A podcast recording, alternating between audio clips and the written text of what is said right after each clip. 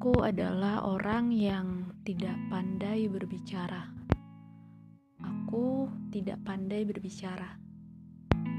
Berkomunikasi adalah musuhku sehari-hari.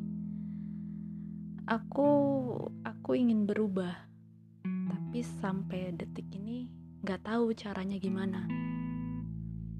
Apakah podcast ini akan membantu? Aku juga nggak tahu. Kita lihat aja nanti.